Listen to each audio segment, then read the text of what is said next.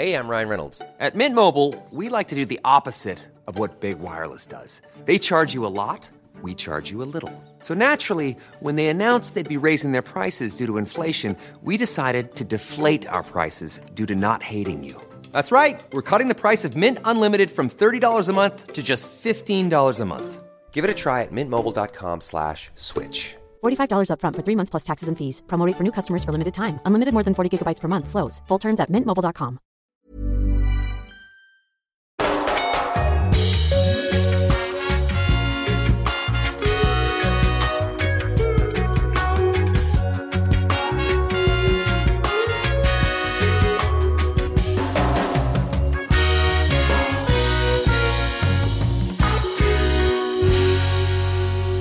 Damallsvenska podden, det är måndag. Makoto Asara heter jag, sitter ensam här i Aftonbladets poddstudio. Det är lite, lite ödsligt, men som tur var så finns det ju internet nu för tiden och något som heter länk och telefoner. Anna Rydén i Dublin. till. Jajamän! Hur- Visst är det härligt? Hur är vädret? Är det lika kallt som det är här eller? Ehm, nej, just nu sitter jag ju då inomhus, men när jag var ute sist så var det faktiskt ganska behagligt och uppehåll. Det är lite mörka moln här utanför, så att lite duggregn eh, kommer det väl kanske bli, men eh, det är väl lite det man har väntat sig när man åker till Irland, tänker jag. Ja, precis. Det är ju inte att vara i Irland om det inte regnar och är lite, lite dåligt väder kan man ju tänka sig i alla fall. Men i alla fall Rydén alltså i Irland och sen har vi Per Lagerström med oss också. Hej Per, välkommen till podden. Ja, men trevligt, kul att få vara med.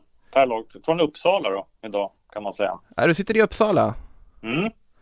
Så pass alltså, om ni känner igen Per så är det ju från våra sändningar, det hoppas jag att ni har sett på Sportbladet Play där ni kan se alla matcher i damallsvenskan, där som vi alltid säger och som ni säkerligen vet vid det här laget. Eh, per brukar vara med som expert där också. Eh, ja, men det är väl bara att dra igång och konstatera att eh, FC Rosengård har vunnit SM-guld. Det är där vi får börja någonstans. Eh, sen måste jag bara påpeka för den som knackar på tangenter att det hörs väldigt tydligt i inspelningen också. eh, Det är jag som jobbar lite ja, samtidigt. Man måste göra flera saker samtidigt ibland. ja, om ni undrar vad det är för ljud så är det i alla fall därför vi har väldigt mycket att göra konstant. Men vi börjar där med Rosengård, SM-guldet igår. Det var väl ingen som väntade sig att det här skulle ske eller? Alltså jag gjorde inte det i alla fall. Nej, det ska, alltså med tanke på att Häcken egentligen bara hade behövt göra mål på AIK. De behövde ju vinna för att det inte skulle kunna bli klart igår. Det hade man ju räknat med i och med att Häcken spelade ut AIK tidigare under säsongen. Det blev 10-0. Man har det anfallet man har, men Sen har man heller inte gjort mål på tre matcher innan det här. Det är ju någonting som händer i Häcken just nu som inte riktigt fungerar och så dessutom då Kullberg och Sigiotti på bänken från början i den här matchen. Man såg ju på Sigiotti när hon kom in vilken energi hon kom in med i den här matchen så att Ja, nej, det fanns en hel del frågetecken där, men man hade ju räknat med att Häcken skulle ta tre poäng och att Rosengård skulle säkra guldet i nästa omgång hemma mot Eskilstuna. Eller vad, vad säger du Per? Ja, verkligen. Speciellt vi som var nere i, i Göteborg och såg när Häcken vann mot Rosengård. De var så otroligt glada där. Och vad, vad var den matchen värd? Och sen två omgångar senare så avgjort. Men med tanke på det resultatet så är man lite förvånad. Eh, både förra omgången, men framför allt då Häckens prestation mot AIK. Den tycker jag rent ut sagt är, är väldigt svag. Eh, sen en stor eloge ändå till till vad Rosengård gör efter den, den förlusten. När man klarar av Linköping och, och sen åker upp och med det ändå ganska skadeskjutna laget slår ändå Piteå. Det, ja, då får man väl nästan säga att det är välförtjänt med SM-guld med tanke på de två omgångarna. Ja, men vad, det håller jag helt med om. Alltså, det är ju välförtjänt totalt sett över säsongen också, måste man säga på något sätt på Rosengård, som ändå trots att de gör så pass mycket förändringar som de gör under den här sommaren, ändå lyckas samla ihop sig, ta poängen som krävs. De börjar oktober på ett riktigt oroväckande vis, samlar ihop sig, får segern mot Linköping, får segern här uppe i Piteå under svåra förhållanden. Det, de är ju välförtjänta. Per, vad säger du är liksom nyckeln, den primära nyckeln till att det är FC Rosengård som vi kallar svenska mästare just nu? Ja, men dels får man nog börja med inledningen av säsongen där den var otrolig, alltså fullständigt briljanta. Och, då är vi, vi ibland, och det är klart att man pratar om de offensiva spelarna i, i Cankovic som då inte var skadad och seger, men även deras försvarsspel. Det var ju länge de bara hade släppt in fyra mål. Men de la ju grunden för det sen Men med det sagt så, du inne på det, så får de stora förändringar i sommar och de har en tuffare resa. Och sen, men på något sätt så tycker jag ändå att det är jag tror att det är lite av vinnarkulturen. Det som hände för dem förra året, även fast inte Caroline Seger liksom kunde vara med sist, med hennes approach i laget, Sanne Trullsgård. Jag måste också ge respekt, tycker jag, för till René Slegers, den nya tränaren, att hantera den förlusten och sen gå in, släpper in 1-0 mot Linköping. Jag tycker de är väldigt konsekventa i sitt spel och de hittar sätt att formera laget med så många skador. Så att man får väl säga att den berömda laginsatsen, alltså från samtliga liksom, spelare till de som kommer in och tar chansen till ledarteamet. det, det var komplext, men egentligen så löser de det ganska enkelt med facit i hand. Ja, det känns ju som att eh, heller att Häcken inte riktigt har den här udden att på allvar utmana på allvar. Alltså utnyttja de små snedsteg som Rosengård tog under säsongen. Det var ju inte, det var inte så många snedsteg. Men det var på något sätt att det sammanföll med att Häcken själva har problem att luckra upp ett lågstående försvar, att de inte får det att fungera till punkt och pricka på samma vis som de fick det under guldåret i fjol, så att det kändes på något sätt att det här var Rosengårds guld att tappa från dag ett, mer eller mindre, i alla fall känslan jag haft. Anna, vet att du, vi har ju pratat om det förut, ditt guldtips nu till slut, eh, höll jag på att säga. Du menar att jag måste ge mig nu? Va jag fan? tror du måste ge dig med ditt guldtips nu, men eh, vad, ja. här i liksom eh, den här stunden och när du får ge upp det och kapsejsa och dra upp vit flagg på det där tipset, vad, vad känner du? Nej men eh, jag håller ju med om att Rosengård har visat eh, en otrolig styrka i år och just den här perioden att man inte klappar igenom så som man gjorde i fjol. Att man inte blir störda när Linköping gör mål för att Inför OS-uppehållet, ja där hade man ju ett otroligt facit. Man hade bara släppt in två mål, man hade inte förlorat en enda match. Allting gick som på räls och sen kommer den här hösten där det börjar knacka lite man misslyckas i Champions League, för det får vi ändå säga, de hade räknat med att ta sig till gruppspelet, släpper in sex mål mot Hoffenheim, får inte det att stämma. Börjar också släppa in lite mål i damallsvenskan som vi inte har sett dem göra på samma sätt under våren. Och att ändå då under den här perioden repa sig på ett sånt sätt som man gör hantera det och eh, faktiskt vända på matchen mot Linköping. Det känns som att framförallt att man kommer tillbaka där trots det där 1-0 målet som Per är inne på det tror jag var väldigt viktigt för dem och eh, de var ju själva lite besvikna med sin insats i Piteå igår och bara ah, vi har ingen bra match men man vinner ändå den då med 3-2 och eh, får fira guldet uppe i snön. Charlie Grant hade ju aldrig sett snö innan hon kom till Piteå. Eh, bara sånt blir man ju glad av och att de då får fira där uppe. Sen blev det ju ett abrupt firande för Rosengårds del. Eh, för nu är några av dem med mig här i Dublin. Vi hade ju trott att Caroline Seger var en av dem som skulle vara här. Istället fick Emma Berglund hänga med flyget i morse. Olivia Skog här också.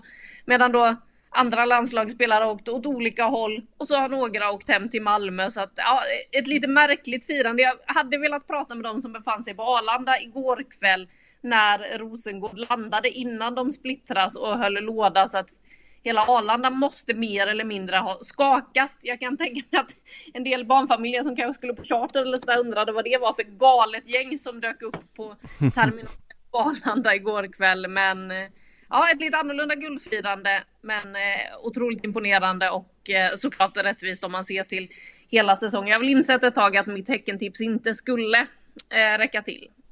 Så att, eh, ja, jag ser mig besegrad. Eh, men ja, det var ju också intressant det där med att just de skulle samlas med landslaget och att Ja, då spelare som precis har gjort en platt match på Skytteholm ska åka till då direkt i Arlanda möta upp, ja, nu var det ju tur för Häcken att Guldhattarna inte var med till Piteå för Rosengård, för de har inte heller själva räknat med att AIK skulle ta poäng av Häcken, så de var ju helt oförberedda för det här guldfirandet de också. Eh, spelarna var ju Fick ju inte veta vad det gick i den andra matchen förrän på slutsignalen, de som var på planen, så att för eh, spelare som Berglund och Skog så var det ju en chock där när plötsligt alla kommer inspringande vid slutsignalen och minns att oj då, vi har vunnit det här SM-guldet här nu.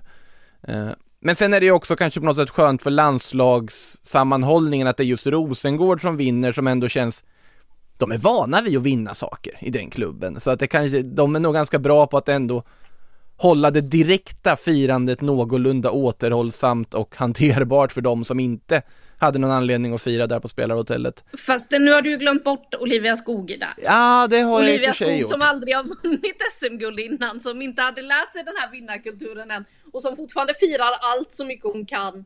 Med rätta såklart. Det är klart att Olivia ska fira ett SM-guld. eh, och det är ju just hon som har anslutit till det här kanske lite då deppiga Häckengänget. Så att, eh, det blir intressant att träffa dem idag och se hur läget är med dem efter eh, det inledande firandet. Caroline Seger lovade ju att det här ska hålla på i flera dagar, inte just nu då, men eh, när det väl är så att de samlas upp igen. De har ju två matcher kvar och eh, lär väl kunna fira en hel del, förmodligen en del på galan, damallsvenskans bästa också, om jag får gissa.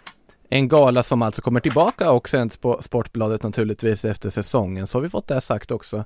Eh, gå in och rösta på årets mål. Vi kommer till en av de kandidaterna sen lite senare här i programmet. Ehm, men jag tänkte vi skulle ta oss till Skytteholm och till Häcken och de som inte hade samma anledning att glädjas. Vi var ju här, där allihop vi som sitter här inne. Eh, I olika klimatzoner. Exakt, vi, vi satt i lite olika klimatzoner på den arenan. Jag och eh, kollega Rydén, vi satt ju där med solglasögon på, lite för varmt klädda för att sitta i den där solen på ett mycket gemytligt Skytteholm. Hur var det för dig Per? Ja, jag satt på andra sidan i den här rangliga ställningen högst upp och det blåste otroligt kallt och det var skugga. Men eh, vad gör man inte för, eh, för fotbollen? Jag tänkte att jag skulle värma också, men ja, sådär. Sån där match var det. Ett stabilt AIK med ett Häcken som jag tycker underpresterade faktiskt ordentligt från start till mål. Det är ju fyra raka matcher, alltså tävlingsmatcher utan mål framåt för ett lag som Alltså gjorde mest mål av alla innan och haft de absolut intressantaste offensiva spelarna. Jag tycker att det, det är ganska anmärkningsvärt hur jag vet att Stina Blackstenius kändes ju frustrerad från minut ett i den här matchen när hon inte får de bollar hon vill och jobba med, kommer inte alltid sin rätt.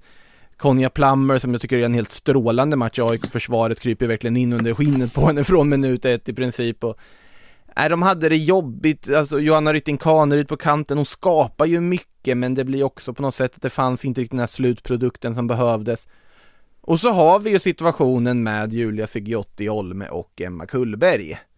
Som då sitter på bänken, startar på bänken enligt eh, tränare Mats Gren efter matchen så var det av rotationsskäl men samtidigt så är det ju så att det är två spelare vars kontrakt är utgående som båda inte velat förlänga. Där vi också fått bekräftat från spelarnas agent att de inte planerar att förlänga heller. Vad, vad säger vi om den här ganska konstiga situationen med Sigiotti Olme och Emma Kullberg? Dels tycker jag att det är en situation som eh, aktualiseras för sent. Jag tänker att eh, Mm. det är ett lag som vann SM-guld förra året som skulle spela Champions League idag, eh, i, år.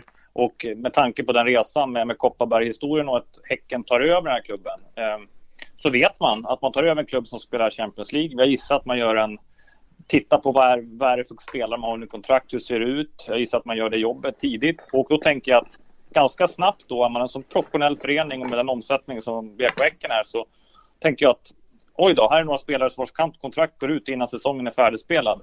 Vi, eh, vi tar den här frågan direkt. Vi vet ju inte om de kvalificerar sig i Champions League, men om vi gör det så förlänger vi de här kontrakten direkt. För självklart ska vi kontrakt säsongen ut. Då, då tror jag att man löser den här situationen och hanterat den innan säsongen. Det är en förutsättning för att ta över kontrakten. Det är en förutsättning för att vara professionella. Häcken tar en liten risk om man kanske inte hade kvalificerats, men en självklart risk som, som jag tycker ska vara. Alltså att, det där tycker jag att det är en miss från alla parter. Jag fattar inte varför man har den här diskussionen så sent under säsongen.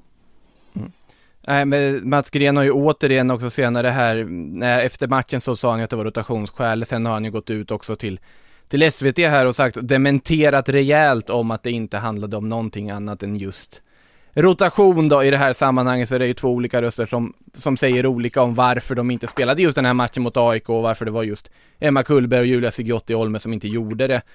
Eh, nej men alltså sammantaget så, om man tittar på det sportsliga i den här matchen så tycker jag att det, här visar ju precis de brister som gör att BK Häcken inte, eh, alltså att de är ett jagande lag istället för ett jagat lag den här säsongen.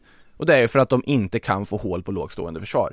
De var nära på att inte lyckas i till exempel matcher mot Piteå och så vidare. De lyckades inte mot Växjö. De lyckas inte mot AIK här. Och det var, det är ju skillnaden som är, det är den stora skillnaden att man inte har lyckats ha den här sista udden som man hade förra säsongen. Ehm, att, Kanske också lite som man, inte, eller som man hade i våras när man hade en spelare som Filippa Angeldal som Mm. faktiskt hittade bollarna upp till anfallet.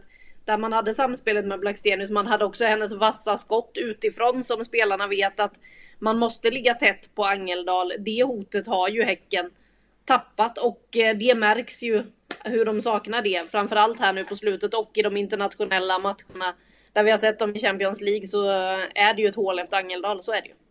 Mm. Ja, jag håller med helt. Det är en, och det är en otrolig klassspelare, men de har heller inte de spelartyperna. Jag tror hon eh, har betytt, eh, man vet att de betytt mycket, men kanske ännu mer än man kan tro. Med hennes både liksom insticksskicklighet, hennes otroliga spelförståelse och hon läser spelet, men också som kan jobba med spelvändningar. Så jag tycker du är helt inne på det, Anna. Sen kan vi också fundera på, de har ju faktiskt bytt formation eh, den här säsongen för att de ska spela Champions League gått över till en fyrbackslinje.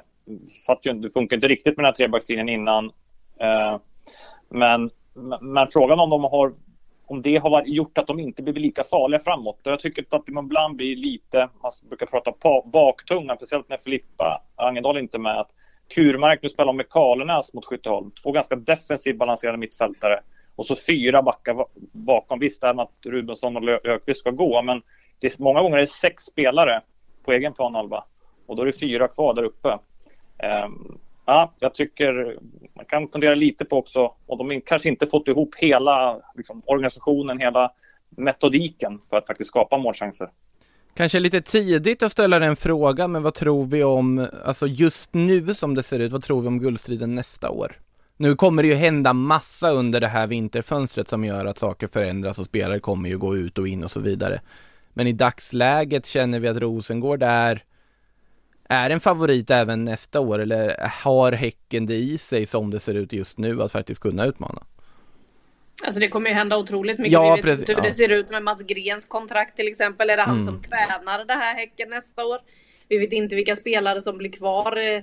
Det mesta tyder väl på att eh, Stina Blackstenius försvinner. Du var inne på Kullberg Sigiotti vill inte förlänga så att det kommer ju vara en hel del rotation. Sen så är ju Rosengård då kanske lite vanare vid den just att hitta de här klassspelarna att ta in som ersättare. Vi såg ju hur Therese Sjögran fick jobba i sommar med att försöka jobba in spelare när man tappar landslagsspelare i form av Viggo Stottir, man tappar Labé. Det var väl de två stora namnen man tappade i och med att eh, det var de som spelade i våras. Sen så har vi också då trion som gick till Everton med Bennison som satt på bänken en hel del i Rosengård och Anvegård och Björn som ju drogs med skadeproblem. Men det är ju landslagsspelare alla de tre.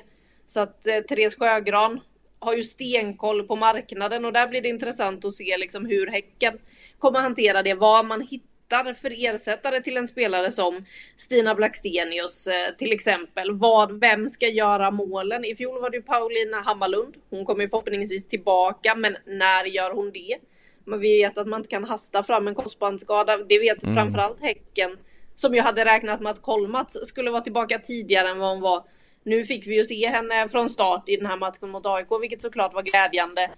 Eh, men det kan ju ta tid att ta sig tillbaka från en korsbandsskada, så det blir intressant att se där vad Häcken gör, hur de organiserar sig. För med de ekonomiska muskler som finns i den klubben så borde de ju absolut kunna vara med och utmana Rosengård.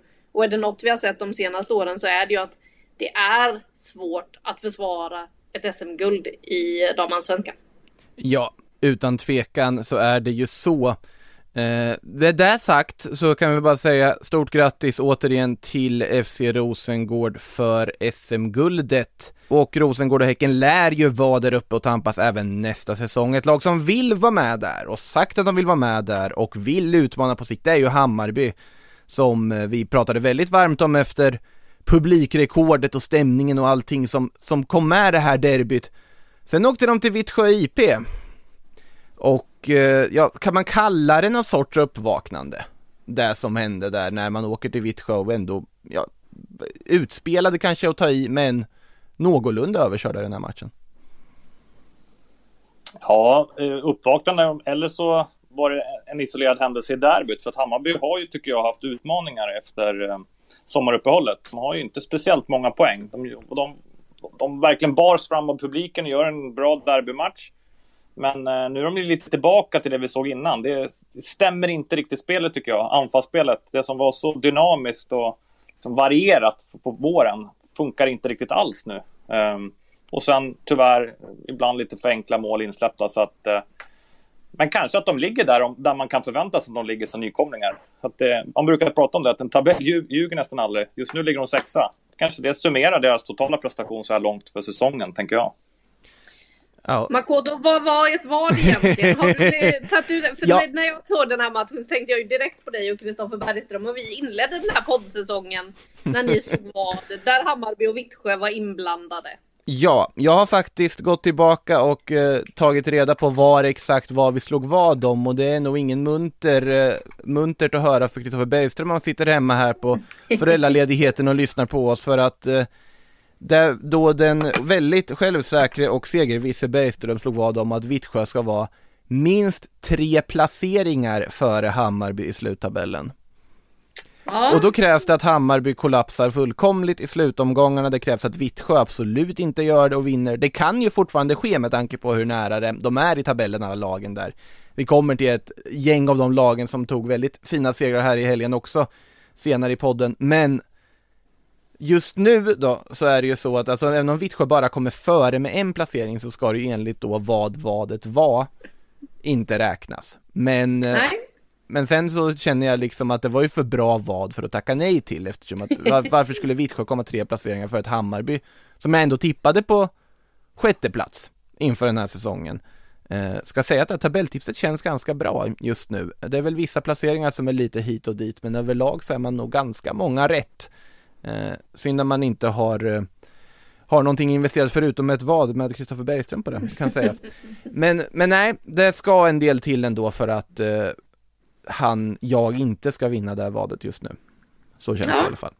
Med det sagt, måste imponeras ändå av vad Vittsjö gör. Man ska inte bara låsa sig att Hammarby inte fungerar, för det är Vittsjö som fungerar alldeles ypperligt också. Eh, Claire Polkinghorn, en mittback som jag inte, jag inte kan sluta förundras över. Strålande återigen i den här matchen, alltså en sån liksom, bestämdhet i den nicken där de sätter 1-0 och sen också ska ju den crossbollen som föranleder Tove Almqvist 2-0 mål också jättefin. De, de pressar ju sönder Hammarby sönder och samman också inför ett bra stämning på Vittsjö IP är ju uppgiften och rapporten man har fått och det man såg genom tv-skärmen att det var bra med tryck både från gästande supportrar men även från hemmaklacken där på den idylliska, pittoreska Vittsjö IP. Eh, och de är med i kampen om Champions League-platsen för Eskilstuna, ja de förlorade ju El Gnellikot mot KIF Örebro. Sent avgörande där från Amanda Rantanen i 90 plus 5 på en jättefin kontring och så vidare. Och det ska faktiskt sägas här nu att om man tittar på en formtabell på de sex senaste matcherna, då är det FC Rosengård som leder den, tvåa på samma poäng, KIF Örebro. Så att, eh, och frågan är ju, är hur liksom långt kan det här KIF Örebro klättra i slutomgångarna tror ni? Jag måste genast titta på tabellen och hur många poäng är. det, är ganska, det förstår jag i och för sig. Skiljer. Eh, för att det är ju imponerande med det de har gjort och som Nathalie Hoff Persson var inne på när hon var med. Det var väl två poddar sedan nu eh, som hon var med. De har ju liksom varit inblandade i bottenstriden. Nu är de uppe på en sjunde plats. Har bara en poäng upp till Hammarby, två poäng upp till Vittsjö. Det är klart att de skulle kunna ta någon placering till och eh, det är ju en imponerande höst för eh, KIF Örebro. Det ger dem något att bygga vidare på. Och de har ju nyligen också förlängt med Anna Sandberg, den eh, unga talangen, lovande spelaren som de ju slängde in som vänsterback och såg om hon flöt. Och, ja, det kan vi ju konstatera, det gjorde hon verkligen. Hon vet hur man tar sig fram på vänsterkanten. Så att eh, nej, det ska bli spännande att se dem i de två sista omgångarna här som väntar. För helt plötsligt så är det ju kampen runt tredjeplatsen och de där mittenplaceringarna vi lite får titta på vad som händer. För vi kan ju också säga hej då till Växjö på riktigt. Vi kommer till Växjö, vi ska säga farväl till dem ordentligt. Eh, men ska man, säga, ja. man, kan, man kan väl säga det ändå, KIF Örebro och vi, kan, vi kommer få se vilka som är bäst tänker jag. Sista omgången, eh, Vittsjö mot KIF Örebro. Spänner liksom lite upp till bevis. Jag, jag tror att KIF Örebro ligger, alltså sjua, det är starkt gjort liksom. Men vill de komma högre så behöver de slå Vittsjö. Och Vittsjö, vi var inne på det, det tidigare, vilka, egentligen har ju de kanske inte nyförvärv, men gamla spelare med Michel de Jong, Tove Almqvist tillbaka. Det är ju den laget som kanske har förstärkt allra bäst egentligen, bara att de får tillbaka spelare. Så att jag tyckte du var rätt på det, Makot, att de... Det är ett bra lag Hammarby möter. Um, mm. Så att, äh, jag tror att det är tufft att vara topp 6. Just nu så är det... Jag är imponerad av topp 6-lagen samtliga. Uh, men det ska bli spännande för att se Örebro, om de klarar att slå sig in där. Nathalie Hoff Persson sa ju det att det godkända utfallet på de sista fyra matcherna, som det då var kvar när vi pratade med henne, det var ju nio poäng på dem. De är sex poäng in på det, möter Piteå hemma som har säkrat kontraktet nästa omgång, så de är ju på ganska god väg att nå den, den förhoppningen. Och sen då såklart testet mot Vittsjö i sista matchen. Det tåls att nämnas också, du nämnde ju Anna Sandberg Anna, att eh, det är ju första gången någonsin som jag förstår det som KIF Örebro skriver ett treårskontrakt med en spelare. De har aldrig skrivit ett så pass långt kontrakt tidigare. Men, och det visar ju ganska tydligt hur mycket de tror på den här genombrottsspelaren som de ja, mer eller mindre från ingenstans fått fram som knappt F19 förbundskaptenen visste vem det var innan säsongen började som nu liksom gått in och även startar där. Eh, otroligt häftig utveckling som hon har haft. Eh, slog ju hörnan som Sanna Kullberg nickade in ett mål här mot eh, Eskilstuna också så att eh, det ska bli otroligt spännande att se vad det kan bli av där Örebro nu när de satsar lite mer långsiktigt, skriver lite längre kontrakt och eh, ja, har en tydlig idé vad de vill göra här framöver.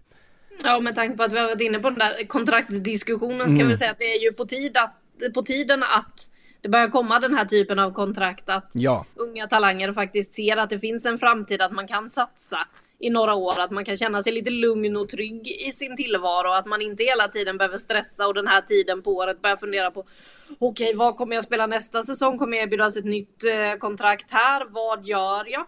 Utan att man kan få lite lugn och ro i det där och att eh, man på så sätt faktiskt professionaliserar det mer och mer och slipper hamna i Häckensituationer framöver. Precis. Håller helt med. Väldigt bra gjort och Örebro har även förlängt med. Hon är nästan li lika stor talang, om inte större, med Emilia Pelgander. Att hon också skrivit ett kontrakt där. Det är ju mm. spelare att bygga på. Vi nämnde även Claire Polkinghorn som har också skrivit på två nya år. Och det är också en status tycker jag, till, till ligan, till Åbos damallsvenskan. Att en sån ändå etablerad internationell spelare väljer att förlänga och stanna i, i Sverige två till. Positivt. Och i Vittsjö dessutom, ska sägas. Så att det, det, säger en del om hur bra det här projektet är. Inget ont om Vittsjö som ort, det är jätte, jättetrevligt säkert, men det är inte det, är inte det mest centrala orten i världen, om vi säger så. Eh, med det sagt ska vi be, säga farväl till Växjö. Det, det vart ju, det blev ju ett farväl med lite dunder och brak får man väl säga ändå när, när Linköping har jättetrevlig afton hemma på Linköping Arena. Jukka Mommiki på helt fantastiskt spelhumör när hon liksom kombinerar med sina medspelare, serverar hörner, hoppar upp och nickar in mål också. Det är kanske det sista man tror att just Jukka Momiki ska göra, men det gjorde hon med finess. Och, och, saker och ting bara klaffade, fungerade. Du känner Grace Kanu strålande, Olga Ahtinen strålande, Vangsgård, i förvärvet, jätteföretagsam på kanten. Emma Lennartsson inblandad, ja det Cornelia Capox de minuter hon spelade också sedvanligt företagsam. Så ja, Växjö hade ju ingen chans här, mer eller mindre. 5-0 Linköping, eh, jubel, klang och jubelföreställning för publiken men ja, det var på något sätt nästan liksom menat att när man har varit så uträknad och på väg att åka ur att det kommer en sån smäll som Växjö åker ur. De har ju inte kollapsat på det här sättet förut under säsongen. Nej det har de ju inte, men det här var ju dunder och brak och ja det var väl ett bortdömt mål dessutom innan det första målet här där man trodde att okej nu har Linköping tagit ledningen. Eh, men så blev det bortdömt. Sen så kommer ändå 1-0 smällen och det är ju där på sju minuter eller om man tittar på från minut 30 till minut 42 så släpper Växjö alltså in fyra mål och eh, ja, man förstår ju om de börjar hänga med huvudena där efter 1 och 2-0 och eh, sen inser att okej, okay, det blir elitettan nästa år. Eller ja, frågan är hur många av spelarna som ens kommer vara med på den resan. Men eh, Växjö får ju bara ladda om eh, i elitettan, försöka ta sig tillbaka så fort som möjligt. Låta den här nya organisationen som har klivit in runt laget eh, sätta sig och hitta någon form av riktning och idé kring vad man ska göra och vad man vill göra för att eh, nej, att det här inte håller i damallsvenskan, det har vi ju verkligen sett eh, den här säsongen. Och därmed alltså helt avgjort i bottenstriden. Per, var, varför är det Växjö som åker ur? Ja, då klarar jag bara att göra sex mål på 20 matcher. Ja, det enkla svaret där. ja, men är, ärligt talat så är det lite så. Det, det är ett problem. Titta också vilka forwards som, som de ändå värvade i somras. Här. Det är klassforwards från Finland. Och, så att på, på, ett sätt, jag var inne på det någon, på någon sändning förut när jag hoppades att de skulle ge det chansen. De, de, de har spelat helt okej, okay. alltså satt ganska väl organiserade. De har liksom inte tappat det. Jag förstår att man gör det någon gång till slut så tar tålamodet slut. Men de måste klara, man måste klara av att skapa mer än sex målchanser. Det är ju det som, som är det stora problemet. Eh, lite svårt tycker jag att kanske så förstå om man tittar på truppen och jämför med de andra trupperna, AIK, Piteå, så, så tycker jag inte så att Växjö har en trupp som absolut inte ska räcka till, utan snarare tvärtom. Eh, de har inte lyckats eh, få ordning på det där på en hel säsong. Det är ett... Eh, ja, det kommer de nog fundera mycket på här efter uppehållet. Eh, tufft för dem, tycker jag, och för att leda teamet där. Det blir också en svår situation i och med att de ändå har spelat så pass bra och har en grund. Att det finns ju väldigt mycket spelare som borde vara av stort intresse för klubbar som är kvar i damallsvenskan är nu att i och med att det då blir ett läge där kontrakten på något sätt går ut för samtliga i och med att de har de här liksom nedflyttningsklausulerna så innebär det att det kan bli en rejäl liksom fire sale från Växjö nu under sommaren och det är ju många tongivande spelare som mycket väl kan flytta på sig. Så att det blir ju enormt uppdrag att försöka bygga om det där för att kunna ta sig tillbaka till finrummet igen. Vi får se om det, hur det går för dem. De ska väl försöka avklara den här säsongens två sista matcher med heden i behåll till att börja med. Och det blir väl inte enklare heller för att det verkar som deras eh, Smålands eh, konkurrent eh, Kalmar FF, eller inte Kalmar FF, Kal IFK Kalmar. IFK Kalmar är på väg upp till OBOS damallsvenskan så att eh, ja, det blir en central försäsong tror jag för Växjö DFF blir det matcher på Gröndal igen nästa säsong i eh, damallsvenskan, om, om de nu skulle ta sig hela vägen upp. Ska nämna några ord om Linköping, förutom att de hade det väldigt roligt i torsdag så kom ju idag här att Malin Levenstad lämnar efter säsongen. Assisterande tränaren blev bara ett år alltså under André Jeglerts där tillsammans med honom. Eh, lite överraskande ändå, måste man väl ändå säga. Nu ska det ju inte ha varit på grund av att det är något klart nytt anbud eller att det är någonting att hon vantrivs på något sätt eller att resultaten har gått dåligt men har valt i alla fall att inte ta det här optionsåret och lämna är ju bekräftat från klubben och även från henne själv då i en intervju med lokaltidningen Korren. Eh, vad tänker vi om eh, Levenstad? Nu vet vi inte om det kanske är klart med någonting som man inte vet om men annars så Linköping som lag, liksom de är ju på en position de kanske, det är ju ingen bra position, alltså åttonde plats är ju inte bra nog för ett lag som Linköping. Nej, verkligen inte. Nu, nu gör du den här matchen. Det tror jag var väldigt, väldigt viktigt för mm. laget och hela föreningen får göra de här, vinna ordentligt och kanske att det släpper nu här. De har en viktig match mot Hammarby nästa. För att, att, att Linköping ändå med Malin Levestad och André Jäglers ledarteamet ska bygga om, ligger på åttonde plats och den hösten, det är, det är också alldeles för svagt. Eh, det kan, man kan prata mycket processer ändå. Så att det, det, det är väldigt förvånande tycker jag. Man ändå Nila Fischer alltså, och även nämnde japanska. Alltså det, det, finns spelare som har hög kvalitet, men de har inte fått ihop det. Eh, utan alls att hört någonting, men jag gissar ändå Malin Levestad relevanta erfarenheter både som spelare men också som tränare. Jag har hört mycket gott om henne genom åren. Jag är ganska övertygad att hon har ett eh, nytt uppdrag som hon kanske kommunicerar senare utan att ha några som helst belägg. Men det är min gissning. Det känns ju som att hon, hon lär ju vara aktuell för andra, andra klubbar eller andra uppdrag när hon väljer att lämna Linköping. Så är det ju utan tvekan med tanke på erfarenheten som finns där. Eh, det ska bli intressant att se vad nästa steg är där. Vi har en match kvar som vi inte har nämnt faktiskt och det är ju matchen på Stadion i lördags när Kristianstad tog väldigt stora kliv mot att faktiskt kunna kanske ta den här Champions League-platsen igen. De passerar ju Eskilstuna i tabellen i och med att Eskilstuna förlorade gnällikot mot eh, KIF Örebro nu på målskillnad. Samma poäng som Eskilstuna. 4-1 seger borta mot Djurgården. Men vi kan väl inte börja någon annanstans än med Evelina Summanens mål va? Nej, vilket otroligt mål. Eh, och som du eh, var inne på tidigare, för jag antar att det var det du syftade på som en kandidat till årets ja, kan, kan ha varit det målet. Det kan ha varit det målet. Anna Velins skott är ju inte dumt ju. Tarantalas 4-1 mål är ju, eller är ju också liksom det galet avslut egentligen, men allting hamnar i skymundan av Summanens, alltså uppmärksamhet i den situationen får man väl säga när hon ser att Kelsey Doherty är långt ut, hon har liksom fått, de har pratat om det i paus också när tränare Beta Gunnarsdottir ska ha sagt att ja men våga testa om ni ser det, ni vet att det är en målvakt som rör sig långt ut från sitt eget straffområde. Testa om ni får möjlighet. Och planen var dessutom, som Therese S. Åsland beskrev den efter matchen, en sandlåda. Så att det var inte riktigt läge att börja liksom kortpassning spela sig fram till lägen och det märkte man på Kristianstad som sköt på allt de fick chansen att skjuta på. Och det gick ju för dem dessutom. Men ja, alltså jag har ju suttit i den här podden tidigare och eh, Ja, du har ju redan utsett vinnare. Jo, jag har redan utsett vinnaren till årets mål och jag tänker vidhålla det fortfarande.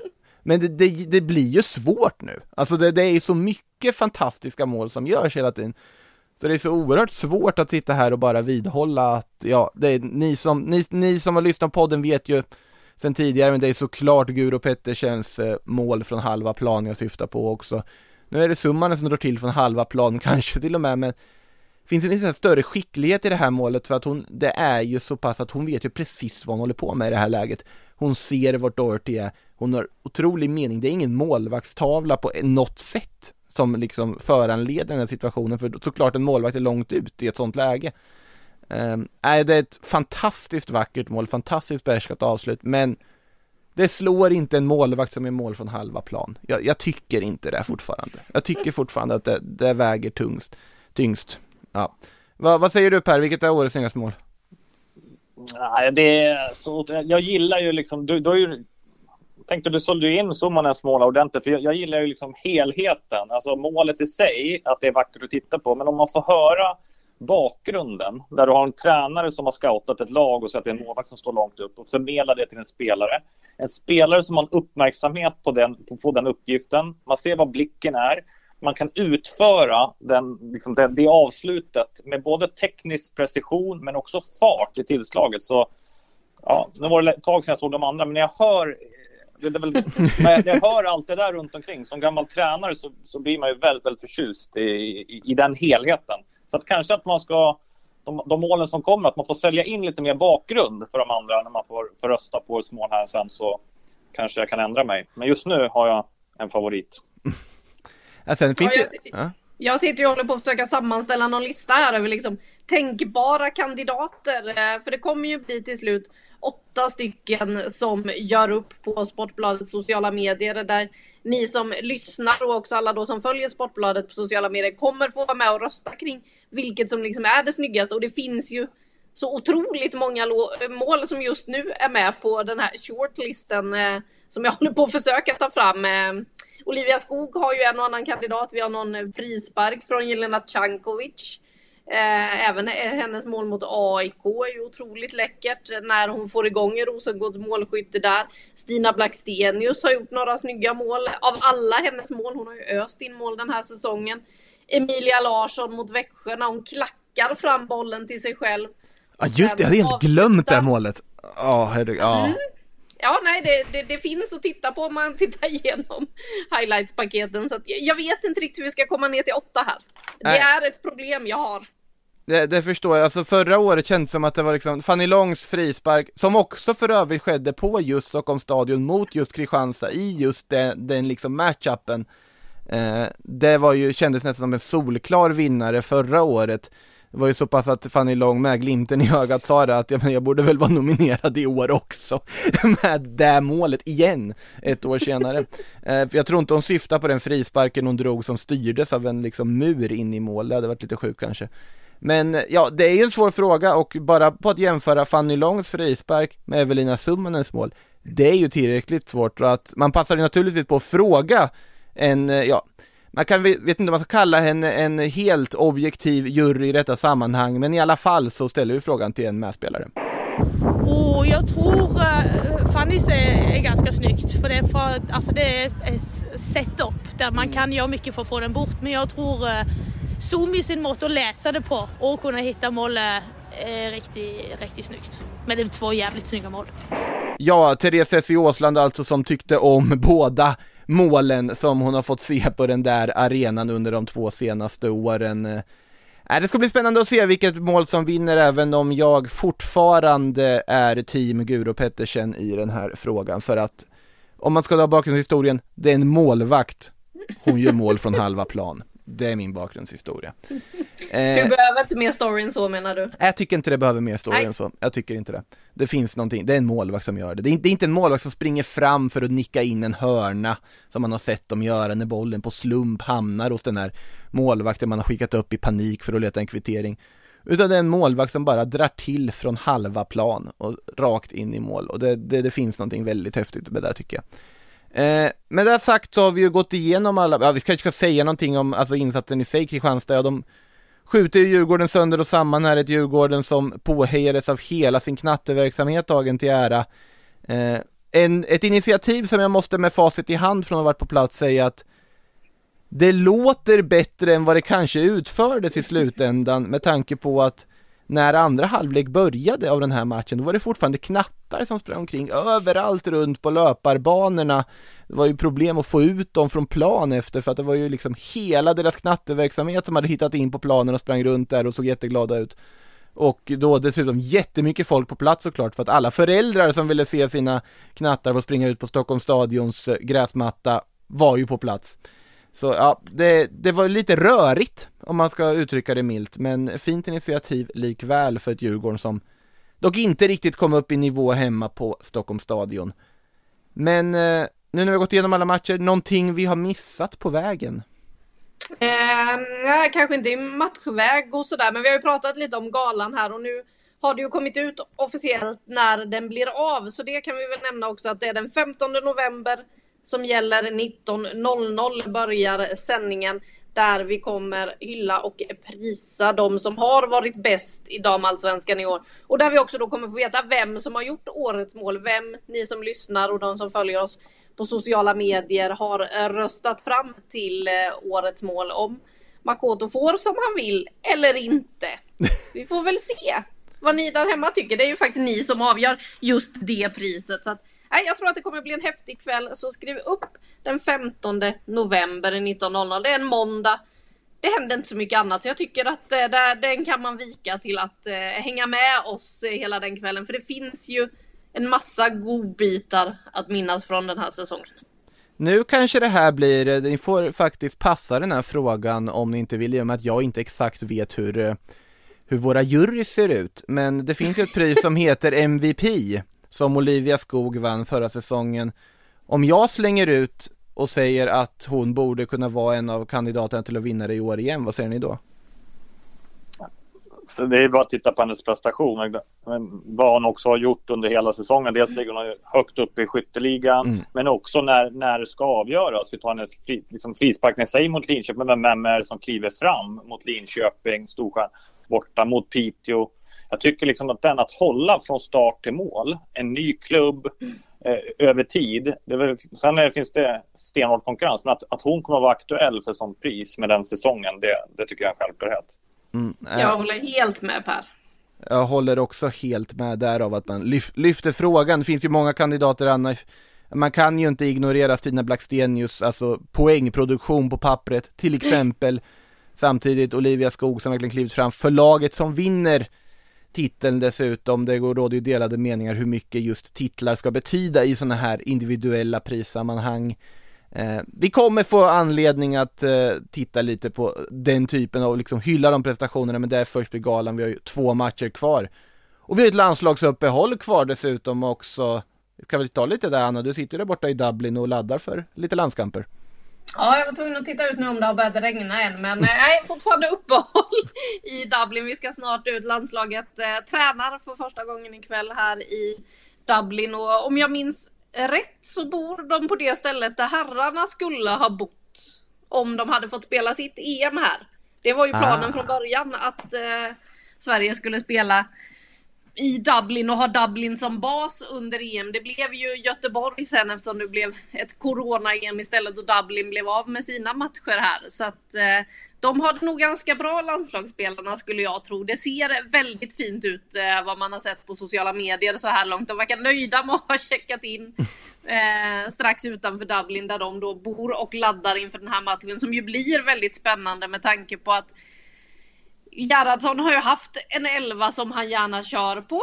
Som han gärna inte roterar i. Men nu så har vi en Kosovare Asllani som håller på och rehabbar i Madrid. Vi har en Caroline Seger som är rehabbar i Malmö. Vad gör Peter Gerhardsson med mittfältet? Helt plötsligt är det bara Filippa Angeldal kvar på det där mittfältet från OS. Så ja, det finns lite frågor till Peter Gerhardsson och då mot ett Irland som ska kliva in i det här kvalet och kommer vara supertaggade tror jag. Så att det blir en tuff uppgift för Sverige på torsdag. Per, om du hade hetat Peter, vad hade du tagit ut för mittfält till Irland-matchen? Jag hade, jag hade fått en staty på Filippa Angedal, hon blev ovärderlig för det mittfältet. Men mm. jag hade nog eh, tänkt på, man valde Filippa Angedal lite oväntat i OS. Man valde henne för hennes otroliga spelförståelse men även liksom tekniska skicklighet och mycket. Av den anledningen så hade jag stoppat in Hanna Bennison nu. Ska hon in någon gång så tror jag att hon, mm. så smart spelare kan spela däremellan.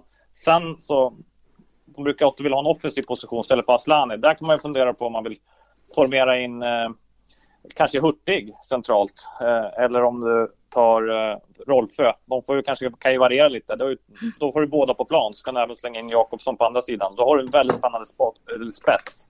Men det är ju mittfältet som är klurigt. För jag tycker inte att det finns så himla många alternativ som det gör framåt och, då, och som det faktiskt även gör i backlinjen. Det är liksom den största utmaningen, centrala mittfältet. Det är ju liksom Häckenligan där med Filippa Kurmark och Julia Sigiotti Olme och så vidare som man kan tänka sig liksom, men det jag tror väl också att Hanna Bennison känns ju väldigt, väldigt nära en startelva med tanke på avbräcken som finns. Hon är ju ändå petar på en startelva även annars. Sett i spetskvaliteterna hon har och de liksom unika egenskaperna som faktiskt ingen annan i det här landslaget besitter skulle jag säga. Eh, så att, eh, jag tror också på Bennison. Vad tror du Anna?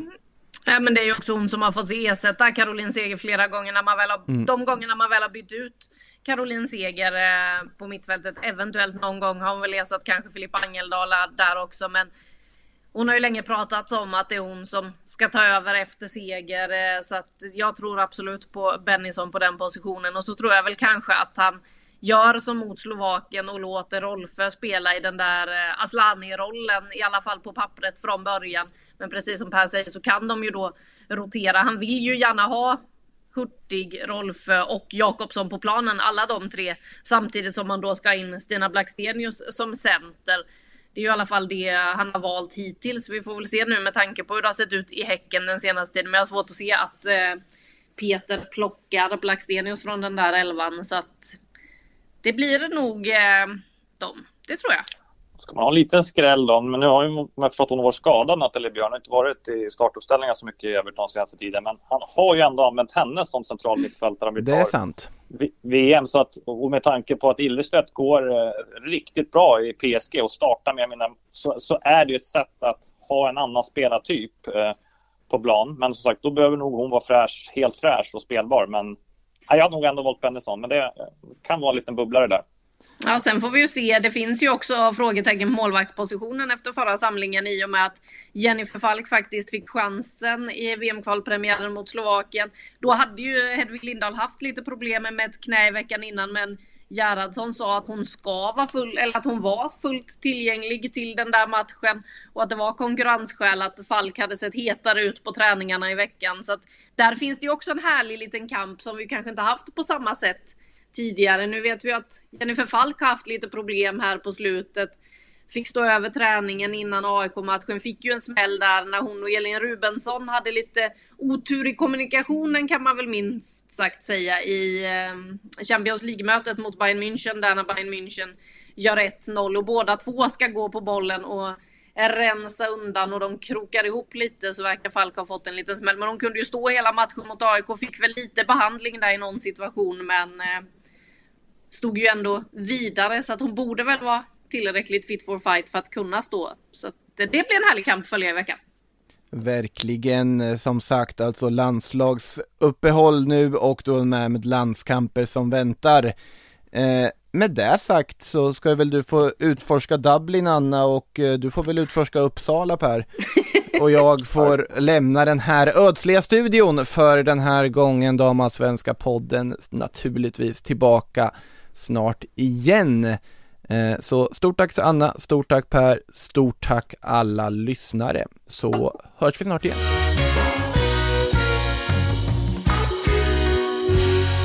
Du har lyssnat på en podcast från Aftonbladet.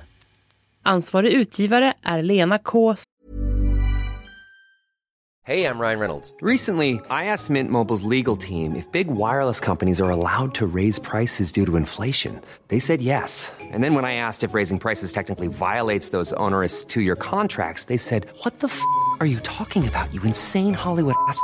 F- So to recap, we're cutting the price of Mint Unlimited from $30 a month to just $15 a month. Give it a try at mintmobile.com slash switch. $45 upfront for three months plus taxes and fees. Promo rate for new customers for limited time. Unlimited more than 40 gigabytes per month. Slows. Full terms at mintmobile.com. Samuelsson.